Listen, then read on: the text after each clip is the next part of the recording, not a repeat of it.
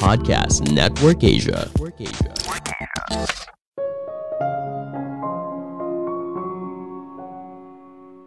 Memori manusia tidak 100% benar. Hati-hati ketika kita terlalu percaya atas apa yang kita ingat.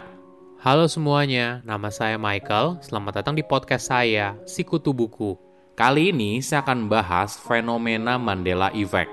Apakah kamu tahu Pikachu? Nah, apa warna buntutnya? Apakah full kuning atau ujungnya berwarna hitam? Jika kamu menjawab ujungnya berwarna hitam, kamu tidak sendirian. Banyak orang juga merasakan hal yang sama. Mereka mengingat kalau buntut Pikachu itu ujungnya berwarna hitam. Padahal yang sebenarnya, buntut Pikachu berwarna kuning tanpa ujung hitam. Ini yang menarik soal memori. Memori manusia tidak 100% bisa dipercaya, rentan dipengaruhi oleh orang lain. Ketika kita salah mengingat, bukan artinya kita sedang berbohong, tapi mungkin saja kita justru meyakini sesuatu yang salah.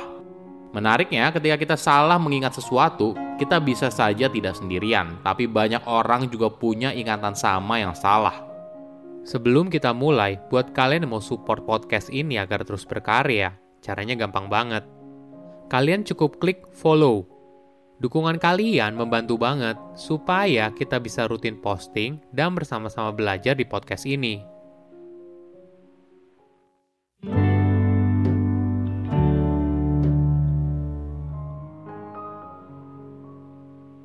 Coba bayangkan permainan monopoli. Kau pasti ingat figur kartun yang dikenal sebagai Monopoly Man, seorang pria tua yang wajahnya ada di permainan monopoli. Coba ingat, apakah pria itu menggunakan kacamata untuk satu mata saja? Banyak orang menjawab iya, padahal sebenarnya tidak. Menariknya, kamu tidak sendirian. Banyak orang juga punya memori yang salah soal figur kartun ini. Fenomena ini yang disebut sebagai Mandela Effect. Sejarahnya, terminologi Mandela Effect pertama kali dicetuskan pada tahun 2009 oleh Fiona Broom. Saat itu, dia membuat sebuah website tentang pengamatannya soal fenomena ini. Saat itu, Fiona sedang berada di sebuah pertemuan dan berbicara dengan banyak orang soal bagaimana ingatannya tentang tragedi mantan Presiden Afrika Selatan Nelson Mandela yang meninggal di penjara di tahun 1980-an. Padahal ingatannya itu salah. Menariknya, bukan hanya dia. Ketika Fiona berbicara dengan banyak orang, mereka juga mengingat hal yang sama. Jadi, apa itu Mandela Effect? Efek ini mengacu pada tipe memori salah yang muncul ketika banyak orang mengingat satu hal di masa lalu yang sama secara salah. Fenomena ini mengacu pada memori yang salah terhadap Nelson Mandela, aktivis kemanusiaan dari Afrika Selatan yang lalu menjadi presiden. Banyak orang mengingat Nelson meninggal di penjara pada tahun 1980-an. Padahal kenyataannya tidak begitu. Nelson meninggal dunia pada tahun 2013. Namun anehnya, banyak pemberitaan dunia internasional juga menulis Nelson meninggal pada tahun 1980-an. Di tahun itu, Nelson masih menjalani masa tahanannya di penjara, barulah dia menjadi presiden pada tahun 1994 hingga 1995. Kenapa hal ini terjadi? Perlu kita sadari, memori itu sangat mudah dibentuk. Informasi dari orang lain bisa dengan mudah mengubah ingatan seseorang, membuat kita salah mengingat sebuah kejadian atau mengingat kejadian yang tidak pernah terjadi. Fenomena Mandela Effect tidak hanya terjadi di Mandela, tapi terjadi di banyak aspek yang lain. Jika kamu menonton film Star Wars Episode 5 The Empire Strikes Back, kamu mungkin ingat saat Darth Vader mengucapkan kalimat yang terkenal, Luke, I am your father. Padahal kalimat yang sebenarnya adalah No, I am your father. Menariknya, banyak orang mengingat kalimat yang pertama. Contoh lain yaitu di film Snow White dan The Seven Dwarfs. Kamu mungkin ingat kalimat mirror mirror on the wall, who's the fairest of them all? Ya, ternyata itu salah. Yang benar adalah magic mirror on the wall.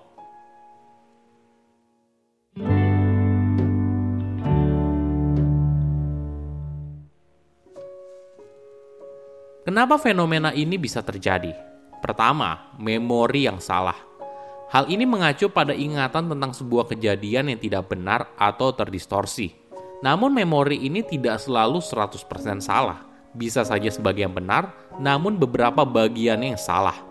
Misalnya begini, Banyak warga Amerika Serikat belajar di sekolah kalau Alexander Hamilton adalah bapak pendiri Amerika Serikat, tapi dia tidak pernah menjadi presiden.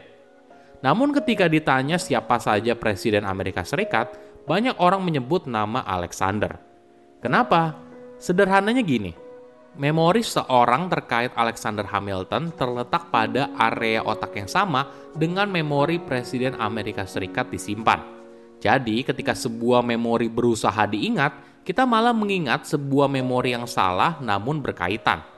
Itulah yang membuat banyak orang mengingat Alexander Hamilton sebagai salah satu presiden Amerika Serikat. Di sisi lain, memori kita bisa saja dipengaruhi oleh orang lain.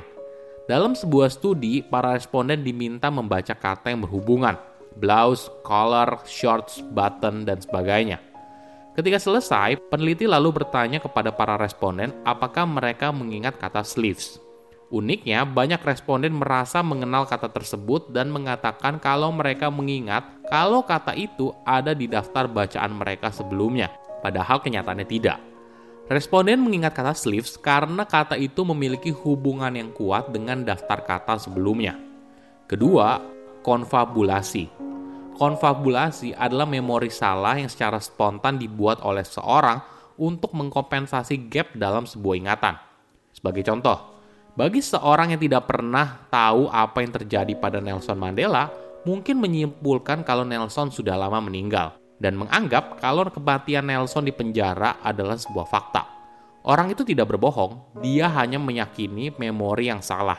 Namun perlu dipahami, Konfabulasi adalah gejala umum kondisi neurologis yang berkaitan dengan ingatan, seperti Alzheimer dan bentuk lain dari demensia.